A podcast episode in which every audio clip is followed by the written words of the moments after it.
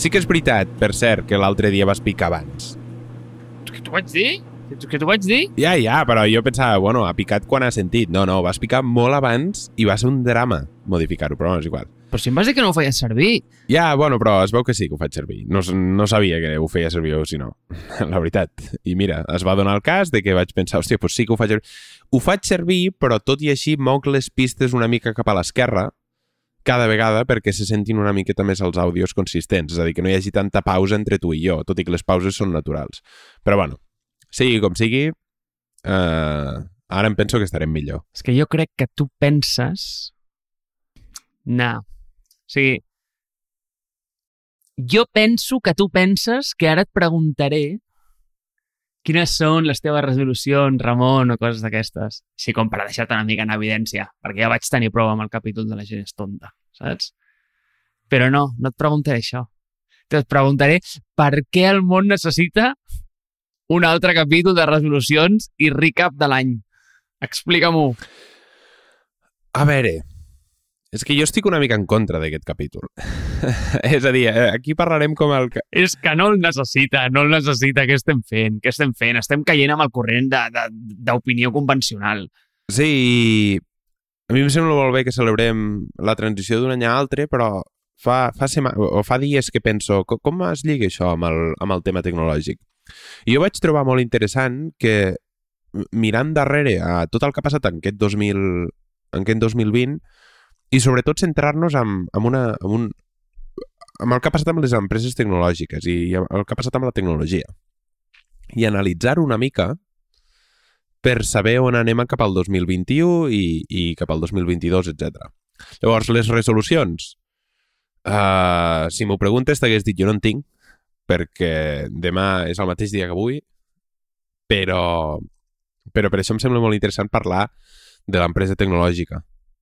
Què opines? No sé, sobre el tema de les resolucions, jo és que... Què vols que et digui?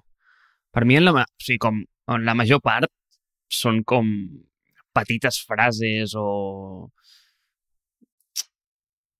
És que, que estem utilitzant per sentir-nos bé eh, i justificar com un retant en l'execució, saps? O sigui, hi ha aquest bias mm, és que ara no recordo com es diu. Eh, ai, hi ha un bias que és que si tu expliques a una altra persona que has començat a fer alguna cosa, encara que no ho hagis fet, ja tens com la sensació de progrés.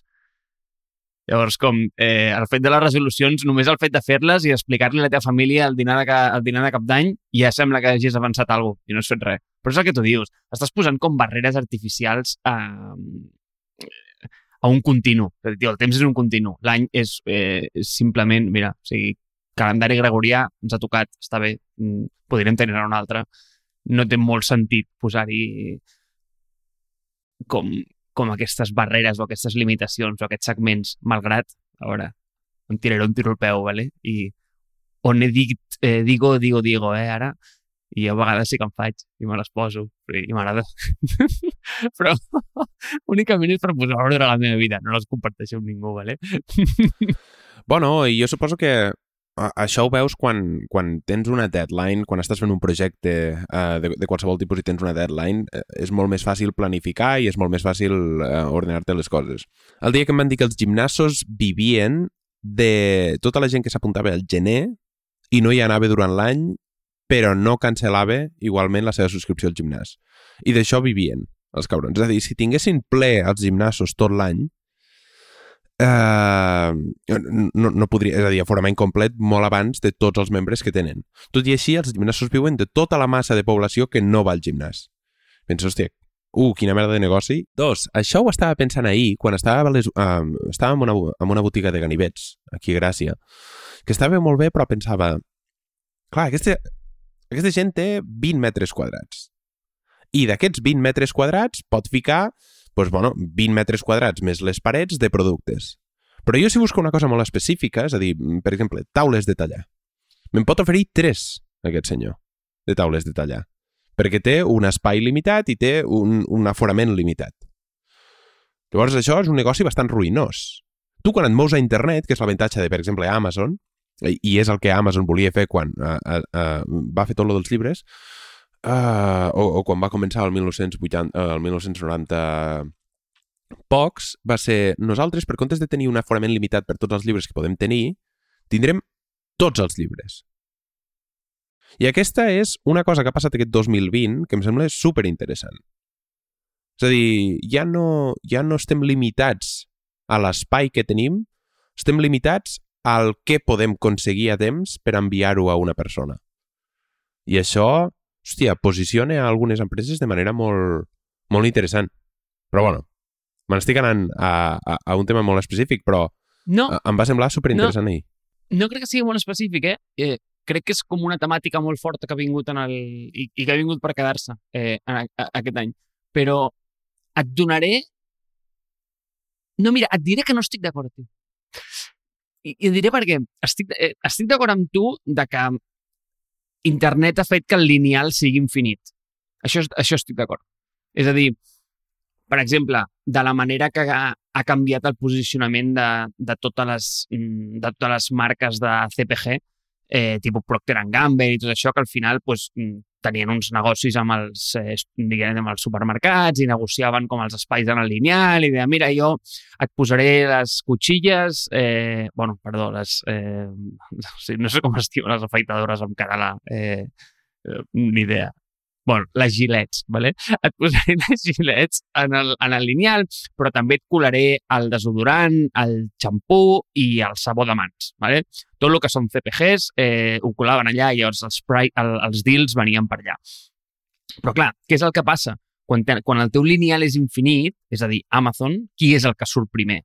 Eh, perquè és estudiadíssim que en els mercats la gent agafa les coses que estan en lineal de la vista i el product placement en allà no és crític, no. O sigui, següent nivell.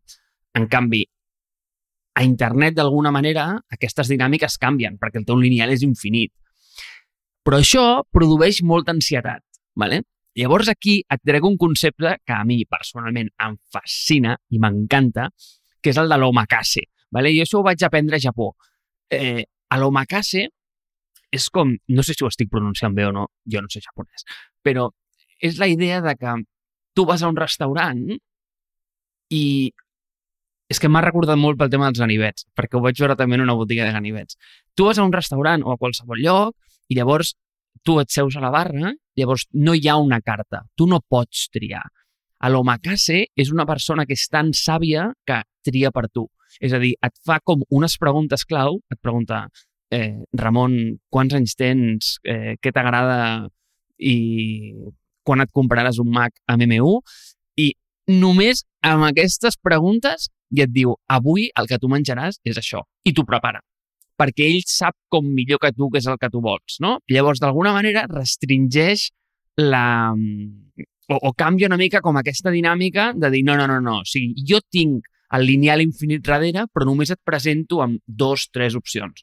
I, I crec que hi ha molts negocis d'internet que estan triomfant sota aquesta premissa. I a mi, per exemple, em recorda molt a... A veure, sé que no és el mateix, eh, però... Eh, I és que és un servei que a mi m'ha salvat el cul tantes vegades, és o, eh, Hotel Tonight, que la va comprar... La va comprar Airbnb, em sembla. Eh, que era, mira, tinc un problema, tinc que dormir aquesta nit en aquesta ciutat, però no et deia com, tio, hi ha tots aquests hotels. No, no, et deia, tens aquests dos són els millors que hem triat, són els que t'agradaran. Deal with it. Clar, molt bé. Uh, uh. Jo penso que el que has dit és fals. Directe. és a dir, no, estic molt d'acord amb tu, el product placement és super important. Nosaltres, quan estàvem a Red Bull, ho veies. És a dir, veies realment... Uh, veies neveres o, o, és a dir, si, si tu mai has anat a un supermercat uh, on, on venen Red Bull, hi ha unes neveres especials que es diuen The Coolers, on hi ha Red Bull a dins, i això és per diferenciar-ho totalment de tots els altres, de totes les altres begudes. Ara ja els supermercats han dit, no, i si vols estar aquí, com que hi ha Monster i hi ha no sé què, t'espaviles, m'entens? Estaràs aquí al mig del, del no-res i ja està, que per cert, Coca-Cola té una part bastant gran de Monster. Però bé, i, i, i és interessant que Red Bull, que té el 10% del, del market share, veu com el, sen, el seu gran competidor Coca-Cola i Coca-Cola té el 80% de les begudes carbonatades al mercat, el 80%. O sigui, quan tens el 80% del mercat... Però bé, el que t'anava a dir sobre, sobre això del product placement, tu tens un lineal infinit que causa molt estrès, i això és una cosa, és el, el paralysis choice, eh? la, la, et paralitzes amb, amb tota la tria que tens.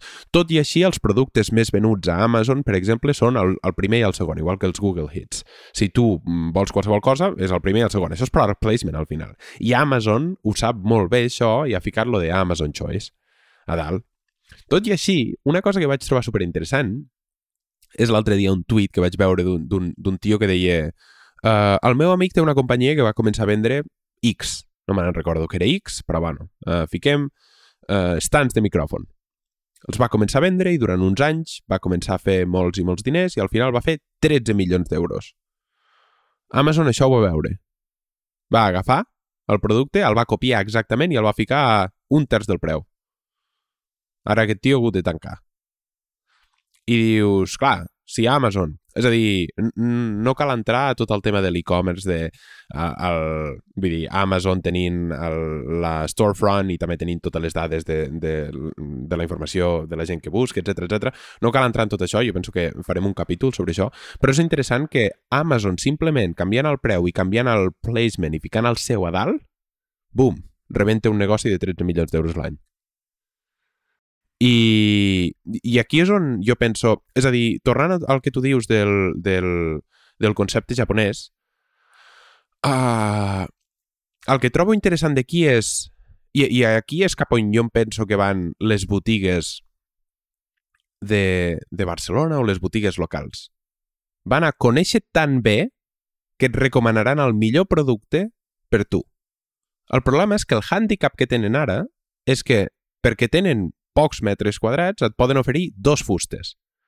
Clar, aquest tio no, aquest tio et feia preguntes i et deia avui menjaràs això. És a dir, el millor o, o la millor fusta de tota Barcelona és aquesta i aquesta és la que vols tu. Segons el preu que m'has dit, l'ús que li donaràs, etc etc. I aquí te la porto. Jo penso que internet, o sigui, ningú fa això, internet té el poder de fer-ho, això, i, i les botigues és una cosa que costarà. Jo, jo tinc un exemple que, que l'he de mencionar perquè m'encanta, que és de Curiosity Shop, que és una botiga de jocs de taula de Gràcia. Aquest tio té molts jocs de taula, però aquest tio quan entres et fa una sèrie de preguntes i llavors et recomana, et treu quatre jocs. Llavors et fa un overload, és a dir, et dona moltíssima informació a tu i, i et coneix perfectament i et fa un perfil de tu mateix per dir-te aquest és el joc de taula que tu necessites. Llavors, això està bé si tu tens la capacitat de tenir tots aquests jocs. Però si no, uf, costa, eh? I llavors això, jo penso que estem transicionant cap a coses molt més específiques, és a dir, cap a botigues molt més específiques. Què opines? Eh, has dit coses molt interessants i, i mira, et, et faig una mica de recap de tot el, que és, eh, tot el que has comentat. Jo també tinc un amic que a Amazon li va tirar el negoci del terra i ja, ja et dic, hi ha hagut molta polèmica sobre aquest tema i jo crec que hi ha dues coses que molta gent desconeix sobre la naturalesa d'Amazon a dia d'avui.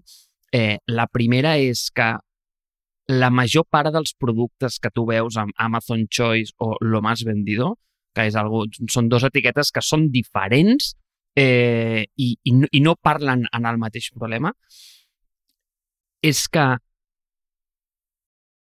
se les emporta la seva pròpia marca blanca. És a dir, bàsicament el, eh, és el que tu dius, no? Vull dir, Amazon té l'accés a totes les dades de, de venda, quan veu que un producte està trending, està hot, eh, bàsicament ell té la facilitat de replicar-lo, crear la seva pròpia marca blanca i, i és el que tu dius, no? Vull dir, fa el product placement posant-lo a dalt. Eh, al final és el seu producte eh, sobre el que té més marge. O sigui, quan veu que hi ha categories rentables, elles es posicionen allà.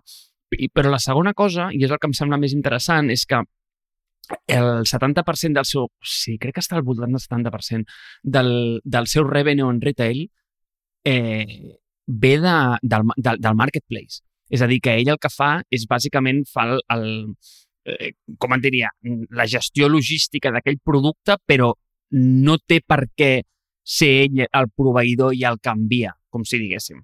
Eh, I això ho veus quan en l'oferta, el que passa és que Amazon no és transparent amb això, perquè tu a sota sempre et posa sí, hay tantos vendedores que lo ofrecen, por tant, però ningú va clicar allà, ell sempre et posiciona la primera, que sol ser la seva.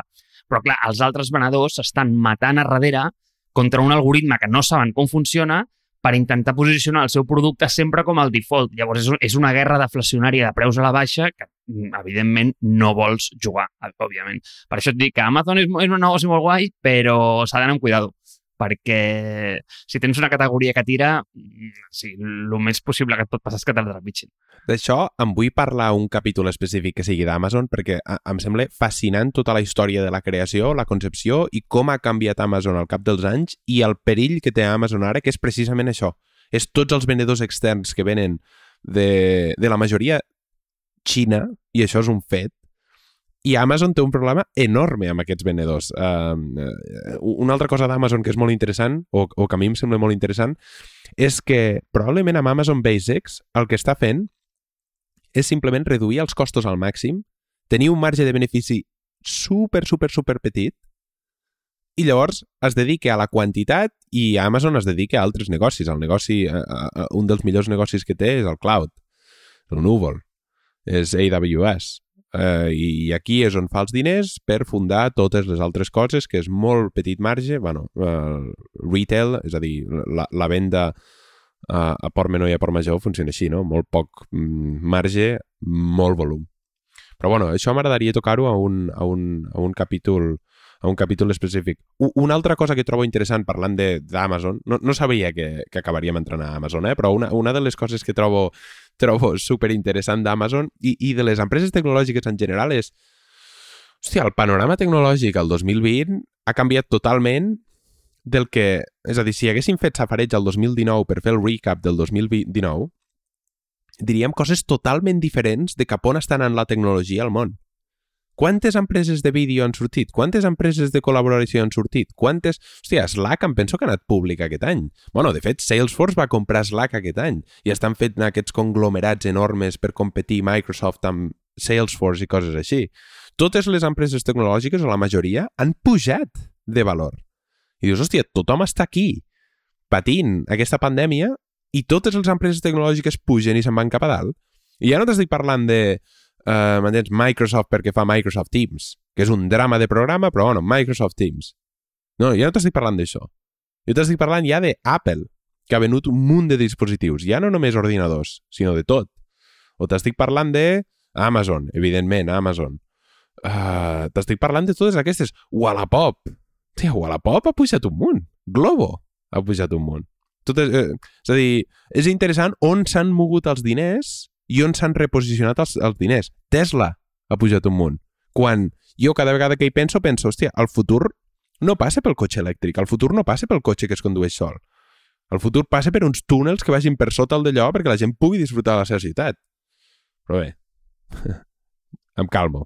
No, però té molt sentit, Ramon, i també ho penso. És a dir, però al final eh, és a dir, dius, que han pujat, han pujat. Bueno, o sigui, han pujat les companyies que al final eh, estan abraçant la realitat que, que, que, s'ha donat i que ningú s'esperava. Mm, i, I feia molta gràcia perquè cada vegada que eh, sortia una, una, una notícia d'una vacuna, doncs veies com, si tenies com els tickers de, de la bolsa, veies perfectament com, jo que sé, les companyies farmacèutiques pujaven, però les que s'ensorraven, qui eren? Pues, eh, era Zoom, era Slack, eh, com la, les mítiques de remote, o sigui, aquell dia palmaven, en canvi, pues, jo que sé, quan sortia la notícia de que la vacuna no sortirà fins al cap de sis mesos, bueno, era tot el contrari, saps? O sigui, tot, vull dir que al final també els mercats bursàtils són extremadament reactius i, i aquesta és una molt bona pregunta, és a dir, fins a quin punt això està aquí per quedar-se?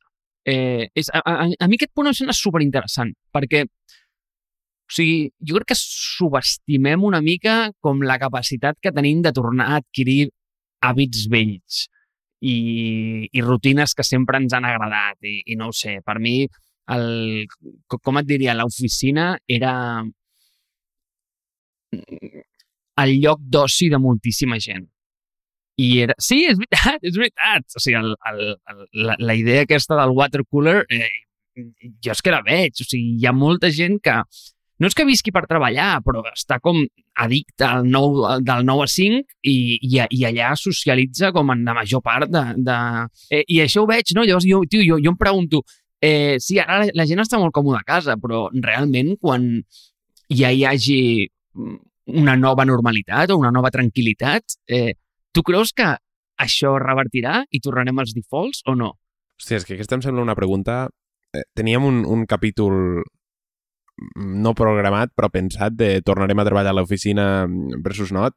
Jo és que no sabria què dir-te. Jo penso que tornarem una mica a la normalitat. Hi, hi ha gent que diu, no, no, aquí començaran a venir tot de virus i el canvi climàtic. Això és un punt interessant, per cert. A, a mi em van dir, el primer dia que em van dir, no, no, és que a partir d'ara, vull dir, tot això serà la nova normalitat i hi haurà un munt de virus, vaig pensar, però què dieu? Han vingut un, amb 100 anys n'hi ha hagut un altre. Vull dir, una cosa que passa una vegada cada 100 anys. I després algú em va dir, bueno, de fet la Laia, em va dir, no, clar, és que has de tenir en compte el canvi climàtic i totes les coses que sortiran del desgel i totes les coses... O sigui, tots els nous...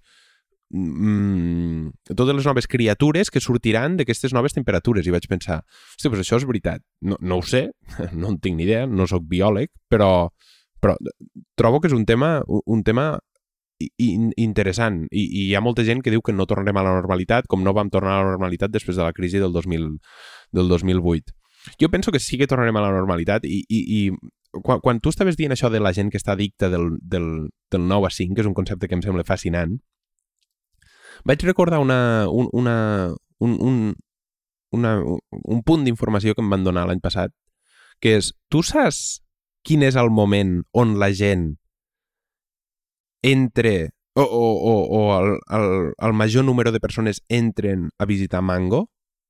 o, tot, o una botiga d'e-commerce? Va, sorprèn-me. És... Eh, una pregunta primer. Què diries que és entre setmana o al cap de setmana? O sigui, pensant d'una manera molt racional, et diria que és al cap de setmana. Perfecte. Perfecte. És de dimarts a dijous d'11 del migdia a 1 del migdia t'ho recordo, de 11 del migdia a 1 del migdia, la gent... O sigui, ja pots tenir un horari estrany. Jo tinc un horari estrany, però de 11 a 1 estic treballant ja. I tota la gent que fa de 9 a 5 treballa. Cap de setmana, l'únic ordinador que té és el seu mòbil. I el seu mòbil el fa servir per, fer, per, per enviar whatsapps. Entre setmana és quan els, els pics de tràfic a e-commerce són més pronunciats. Això ho veus a Mango, això ho veus a Zara, això ho veus a... Si et fiques... Hi ha, hi ha, una, hi ha una botiga, un storefront de, de Google que ven merchandising uh, i, i te'l pots ficar per, per, per intentar esbrinar com, com funcionen els Google Analytics. Uh, uh, és una cosa que, que ho pots fer de prova. I allà també ho veus. Hòstia, per comprar aquesta merda també. Sí, sí. Tots els pics són al migdia, el... fent servir l'ordinador de la feina, probablement, i entre setmana. Em sembla hòstia, fascinant aquesta idea. Evidentment que la gent tornarà a treballar des de les oficines. Hòstia, si, si la gent els hi encanta. Mm, però hi ha... No, és que està... És que, és, és que crec que ho has relacionat molt bé, perquè hi han també moltes altres tendències, com per exemple el, el que tu dius d'entrar Mango, però ostres, pensa en aquestes grans cadenes eh, de venda de roba, com han mogut gran part de la seva eh, oferta a, a, a, a l'e-commerce al final, perquè han tingut que tancar moltes d'elles. I, I, escolta, els ha seguit anant molt bé la cosa. I aquí torno una mica al punt que tu deies abans, del petit comerç i la botigueta de Gràcia. A mi aquesta idea m'agrada molt. Eh, I, per exemple, escolto gent que, que diu allò de no, és que eh, van a la botiga, s'ho emproven i després s'ho compren per Amazon. Vale? Llavors, Eh, jo no és que estigui a favor d'això ni en contra. Però, mira, és que em toca un peu, és que m'és igual. Eh, però és un tema que és inevitable. Llavors, com voler criticar aquesta idea eh, és com anar en contra del món, és com el taxista que es queixa d'Uber. A veure, és que això està aquí per quedar-se, és que mm, aquesta idea sempre estarà. Llavors és el que tu deies, no? de que t'has de diferenciar amb una altra vertical, has de donar com un, un, un valor afegit diferent. O sigui, si el que tu fas és fa, fer el mateix que fa Amazon, evidentment no pots competir, perquè ells tenen eh, unes externalitats eh, menors, tenen mm, al final uns, uns, uns, uns costos logístics menors i poden posar aquell producte a un preu molt menor del que tu podràs posar. Eh, malgrat si tu ets capaç de donar alguna cosa més, un tracte humà, eh, el que tu dius, no? el tio de la botiga de jocs que et pregunta quants pèls tens al cul i, i et dona els quatre jocs que, eh, que, que sap que més t'agradaran. És a dir, però capitalitzar amb aquest coneixement tan vertical, em sembla com que és una tendència que sé que va en contra d'aquest lineal infinit, però que té molt sentit en un món on, el que tu dius, no? on hi ha com aquesta eh, paràlisi per anàlisi de, de que tenim massa opcions i, i, i massa estries i, no, i, i ens agobiem, o sigui, en, en, ens produeix ansietat. Llavors, el fet de reduir, eh, jo aposto que és un trend del 2021. Reduir, eh? Reduir. Jo, jo és que estic molt en contra de reduir. de sempre el dia que em vas dir que que estaves molt a favor d'agafar pots de vidre i plenar-los de llet, vaig pensar... no. És a dir, les tres R's, escolta'm, jo reciclaré, jo reutilitzaré, jo no reduiré. Eh, llavors, no crec que haguem de tenir menys... Ah, hi ha, hi ha coses que són un escàndol, eh? Jo el dia que vaig entendre vaig anar a un mercat de... Penso que era Chicago i vaig veure la quantitat de carn que es venia i després vaig tornar a Barcelona i me'n vaig anar a la boqueria i vaig veure la quantitat de carn que es venia i vaig pensar, va, o sigui, inviable, eh, tot això de la quantitat d'animals que es maten. Uh, no pels animals, sinó per tota la logística de portar aquests animals aquí, però si això es carregarà el món en dos dies. No veus aquesta, aquesta quantitat de carn picada i de botifarra i de... Uh, si això és de malalts del cap, això no pot funcionar de cap manera.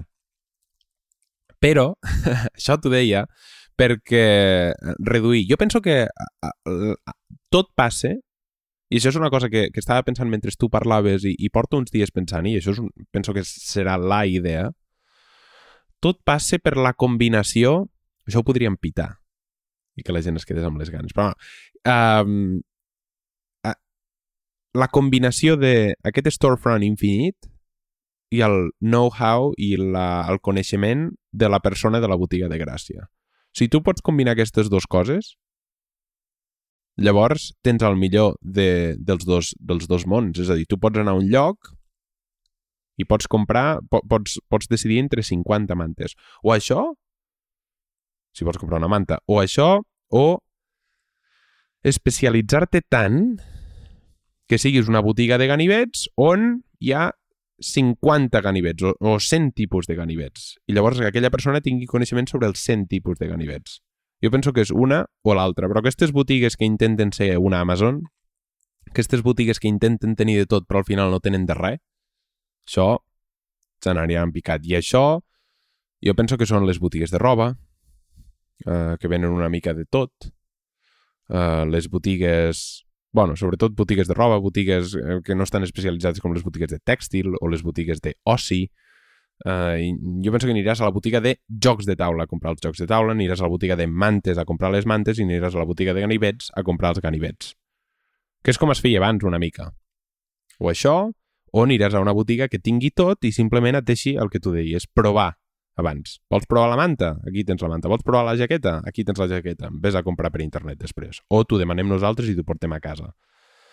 I això, per cert, ho fa molt bé Nike. Tu vas a Nike i et diuen, prova tu, aquí hi ha aquests dos números, tu proves i si t'agrada et demanes el teu número a casa i t'arribarà nou. I ja està. I no els hi sap greu perquè no són una sucursal i no són res. Són simplement una botiga que està aquí. Nike la seva experiència online eh, era dramàtica fa un any, ara és una mica millor, però, però bé. Eh, jo penso que aquesta... aquesta no, no sé si serà reduir, serà combinar. Jo diria combinar. És que veig aquesta tendència amb molts productes, eh, Ramon? Eh, i, I, escolta, vull dir, no, no vull tenir com aquest bias de que només eh, recordo el que m'agrada i el que segueixo veient, vale? però és que de veritat, eh, per exemple, amb tota aquesta tendència del, del DTC, amb consumidor final, mm, tipus eh, dollarshaveclub.com, eh, Harris, eh, o sigui, marques que estan literalment fent challenge a, tio, a corporacions bilionàries com això, no? Unilever, Procter Gamble, eh, digui el que vulguis. Al final les acaben adquirint. És igual, és una conversa per un altre dia. A mi aquest concepte m'encanta. Eh, però que al final fan una cosa molt concreta i van a parlar directament amb el consumidor. Aquesta relació, tenir aquesta relació que fas com el bypass a Amazon i a, i a qualsevol altre i a qualsevol altre storefront, crec que és molt, molt, molt interessant eh, perquè pensa que són marques que simplifiquen tant l'experiència que et donen algú tan únic, és a dir, et diuen, ei, aquest és el meu producte, és el millor i és, el, i és el que has de comprar. O sigui, no et preguntis, no, no, no, no hi han 30.000 alternatives xines com a Amazon. En tinc una i és la que he dissenyat perquè sigui la que millor et funcioni, i punt. Eh, però, a part d'això, ho veig en, o sigui, aquesta tendència la veig en altres llocs. Per exemple, mm, amb el tema del viatge, i sé que viatjar, un, ni és el meu fort, perquè tampoc m'agrada, però com que tampoc està molt en boga ara, que diguem, no? No, no és un tema que sigui eh, molt, molt, molt sensible al 2020. Però ara no recordo com es diu, però juraria que és espanyol. Em sembla que és Guainabox. Crec que és aquesta com que et dona com un viatge aleatori o que, o que tu no saps on vas. Eh, és a dir, d'alguna manera com treu tota la tria eh, de, de tota la càrrega i tota la complexitat de triar i et diu, no, no, et presentem amb això aquesta és l'oferta que tu faràs. I, I crec que hi ha valor en aquí. És a dir, en agafar tot aquest... Mm, no sé com et diria, com tota aquesta abundància d'internet i curar-la d'una manera que tingui sentit i presentar-la d'una manera que tingui sentit per l'usuari.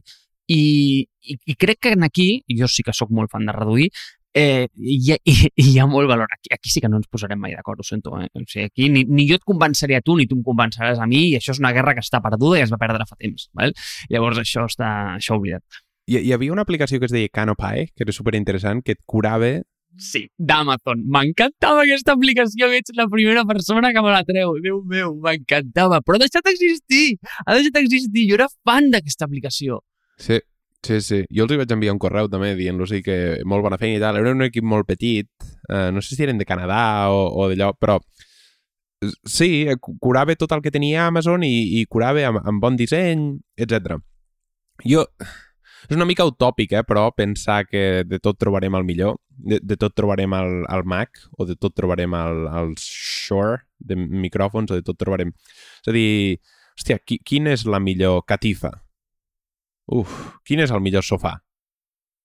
O quin és els, els millors coberts? bueno, els millors coberts probablement existeixin. O la, la, millor, la millor vaixella, jo la tinc, em penso, la millor vaixella. O, o la vaig trobar. És, és porcellana Hasami, es diu, del Japó, ah, m'agrada molt. Amb una altra persona potser li toque, li toque una mica els ous que, que tingui la rebava, que té la vaixella i tal. Per tant, jo penso que has de tenir... Eh, quan et parlava de combinar, parlava de tenir les possibilitats suficients com per parlar amb el món i, a la vegada, poder entendre de manera humana, és a dir, fer l'estorefront humà poder entendre de manera humana la persona que t'està intentant comprar i poder-li donar una cosa que ella necessiti. Clar, però mira, i sí, sí, ho tanquem ja, que ens hem passat del, dels 20 minuts. Això no és un roba estesa, però és un recap del 2020 que no li importa a ningú i així que ens estenem, ¿vale? Així que sí, el món no necessita un altre, però nosaltres el portem, en donem un altre. Però has dit, no, és que és la millor vaixella. No, no, no, no, no, no. És la millor vaixella per tu. Llavors, aquí està com la idea aquesta, de l'intermediari, al final, ha d'entendre com els dos elements de la cadena. O sigui, ha de tenir com un coneixement infinit sobre tota l'oferta que hi ha i ha de tenir un coneixement molt profund sobre el que a tu t'agrada. I amb aquestes dues coses s'ha de crear com el seu algoritme en el seu cap, diguem, eh, per, anem a dir, per oferir-te el, el, el millor. I et posaré un exemple molt tonto, però que a mi em funciona molt bé. Mira, un altre lloc no, on no ens posarem d'acord és amb si Apple Music funciona millor que Spotify. Vale? Eh, jo sóc un usuari històric de Spotify, mm, sé que tu ets un usuari fervent d'Apple Music. Apple Music m'agradava una cosa que jo crec que no li ha sortit molt bé, però la, la, la idea és interessant. Eh, I, de fet, m'agradava més l'approach de Pandora al principi de tot, on tu li deies, ei, m'agraden aquestes tres cançons, i ella et composava com, d'alguna manera, una playlist que tu no tenies visibilitat, sinó que només et donava una cançó, i només una, eh, que tu anaves escoltant i li anaves dient thumbs up, thumbs down. I amb això ell anava com ajustant l'algoritme. A mi aquesta experiència m'encantava, però si et fixes, la diferència com entre Spotify, que té aquest aquest, com aquesta aproximació més algorítmica, i Apple Music, que se'n va anar com a l'altra banda. I va ser, no, no, no, aquí gent humana cura les llistes. I són ells els que d'alguna manera estan curant aquestes... Després jo no sé què hi ha darrere, eh? però ells com que venien, sinó que els seus editors eren els que estaven curant aquesta, aquestes llistes per a tu. Eh, I, bueno, hi ha com una tensió com no resolta de, ei, o sigui, fins a quin punt volem humans curant aquestes coses o som tan bons algorítmicament que som capaços de eh, com inclús donar-te una millor experiència. I jo cada vegada estic més per lo segon, eh? perquè a mi Discover Weekly em coneix millor que la meva mare. Eh? Depèn. Com tot, depèn. I jo, jo, jo també utilitzava Spotify, uh, utilitzo Apple Music perquè i ara sí, envieu-me tuits, envieu-me correus. És la única cosa que pots utilitzar si tens una, una plataforma d'Apple. És, la, és la cosa que té sentit utilitzar. Tens integració amb el rellotge, tens integració amb el HomePod, tens integració amb l'iPad, amb, amb el Mac. Vull dir, està molt bé, eh? Intentar utilitzar um, terceres aplicacions i coses així, donar-los-hi suport, etc etc. El que està fent Spotify amb els podcasts és un drama i a, a, a part eh, em fa gràcia perquè Spotify, vull dir, està intentant lluitar contra Apple perquè Apple és una, una corporació diabòlica i, bueno, ells són bàsicament el mateix, si no, tot el que li han fet a Gimlet, a, a Joe Rogan, etc que, que són un, uns conglomerats de podcast. Però bé, és a dir, jo penso que quan la diferència és tan mínima... Clar, quan, quan parlem de qui et coneix millor, si l'algoritme o si no l'algoritme, jo penso que aquí sí que té molt sentit... És a dir, està molt bé que si tu tens una, un, un tipus estàndard de música, per exemple, m'agrada la Taylor Swift. Molt bé, quanta gent hi ha que li agrada la Taylor Swift? Fiquem el 80% de les persones. Clar, és molt fàcil que una persona faci una llista curada per la gent que li agradi Taylor Swift. És molt difícil, però, que te la faci per tu, específicament. És a dir, tu a Apple Music li deies m'agrada Eminem, m'agrada Taylor Swift i m'agrada, uh, jo què sé, Justin Bieber. Perfecte. I llavors et feia una llista. Però no li deies que t'agradava d'això. Si t'agradaven més els espaguetis o els macarrons, si t'agradava més la bolognesa o la carbonara. Clar, tot això pot fer una... És a dir, pot fer-te molt millor els tweaks perquè tu escoltis les cançons més rellevants. Llavors jo vaig, jo vaig estar llegint un article sobre com Spotify fa el seu algoritme i és fascinant, funciona molt similar a, a YouTube. Minuts escoltats, les freqüències que escoltes, què tornes a escoltar, el número de cançons escoltades. Llavors, clar, si jo entro a Apple Music i li dic que m'agrada els Amics dels Arts, Manel i Eminem, a l'algoritme, o sigui, a Apple li peta el cap i diu, pues, bueno, no sé què recomanar-te, noi, perquè t'agrada una mica de rap americà que diu paraulotes, Manel, que és una mica com els Beatles, i, i els amics dels arts que creen històries. I penses, pues, pues no en tinc ni idea. I si jo li passés aquests gustos a una persona i aquesta persona em fes una llista a mi, d'acord, però això no passa, clar. Som, quants, quants milions d'usuaris som pagant? 50, 60 milions? Llavors aquí, quan sou tants milions d'usuaris, necessites una mica de, de curació algorítmica. I, i, i jo hi ha, hi ha coses que penso que l'algoritme et pot donar i aquí és on està la combinació. És a dir, el coneixement personal d'una persona que entén del que està parlant i un algoritme que entén el que t'agrada d'aquella cançó. És a dir, quin és el, el punt? Aquest és un concepte que em fascina i vull parlar-ne algun dia, que és quin és el punt d'inflexió que fa que una, que una cosa es torni exitosa? Tu li preguntes a un productor de música això i diu, no ho sé. Penses, hòstia, noi, però si és la teva vida, això. Diu, no ho sé. Sé quan una cançó és bona o no, però no sé què la fa bona. Això? Això és un dels conceptes que més ràbia em fa a la vida. Si només pogués entendre una cosa, seria aquesta. Què fa bones les coses? Què fa bona una foto? Què fa bona qualsevol cosa? Ningú m'ho pot contestar. Bueno, és la llum, és el high dynamic range, és el, allò, és el so, és uh, aquesta repetició, hi ha molts anàlisis i moltes coses, però realment ningú dona amb la tecla i diu d'aquestes 10 cançons, les 10 seran un hit. I si no, mira, o sigui, mira la gent que fa CDs i mira la gent que fa discos. Del CD n'escoltes una, del CD n'escoltes dos, no n'escolten les 10. Llavors, les 10 són palla? I per què no vols treure 10 cançons bones? Ja. Ja, el que passa és que el tema d'Apple Music ja et funciona perquè de moment ho feu servir Phil Schiller, eh, John, eh, no sé, mm, Eddie Q i tu, saps? Sou tres. Llavors, tio, hi ha més curadors que gent que, que, que usuaris, crec. Però, tio, quan, quan comenci a fer servir més gent, si algun dia ho fas servir algú més, et començarà a patar per tot arreu. Però... No, no, però eh, ja et dic, o sigui, crec, crec que és un capítol. Mira, si d'algú ha sortit d'aquest recap de 2020, crec que ha sigut perquè han sortit d'aquí com 7 o 8 possibles capítols que hem de fer en un futur. Així que sí. Però va, Ramon, tanquem-ho ja, home. Eh, dona'm un, una cosa que esperes pel 2021, anda, va. Hòstia, que sí que em mates. Que cabró. Sí? En sèrio? 40 minuts dins del capítol. Què espero a, a aquest 2021? Que, que la gent pugui començar a ser una mica més feliç que, que tot el que ha passat aquest 2020 i, i ho estava preguntant l'altre dia i estàvem parlant i veiem que realment no havia sigut tan dolent el 2020 per nosaltres i pel, i pel cercle on estic jo i per la meva bombolla social. Però... Però, hòstia, és una mica desesperant tot. I, I ja sé que a la gent li agrada el drama. Hi ha gent que la gent vol el drama. Però...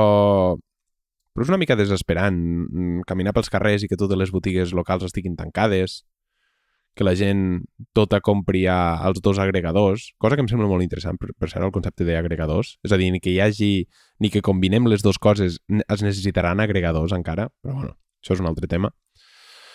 I, i jo només espero que, que el sentiment generalitzat de la gent sigui una mica, una mica més, més alegre, que redueixi la crispació, que redueixi ja sé que mires una pel·lícula del 1980 i el primer que et diuen és, és que la societat està enfadada amb el govern i que no sé què. I penses, hòstia, i això ho mires al 80, al 90, al 2000, al 2015 i al 2020.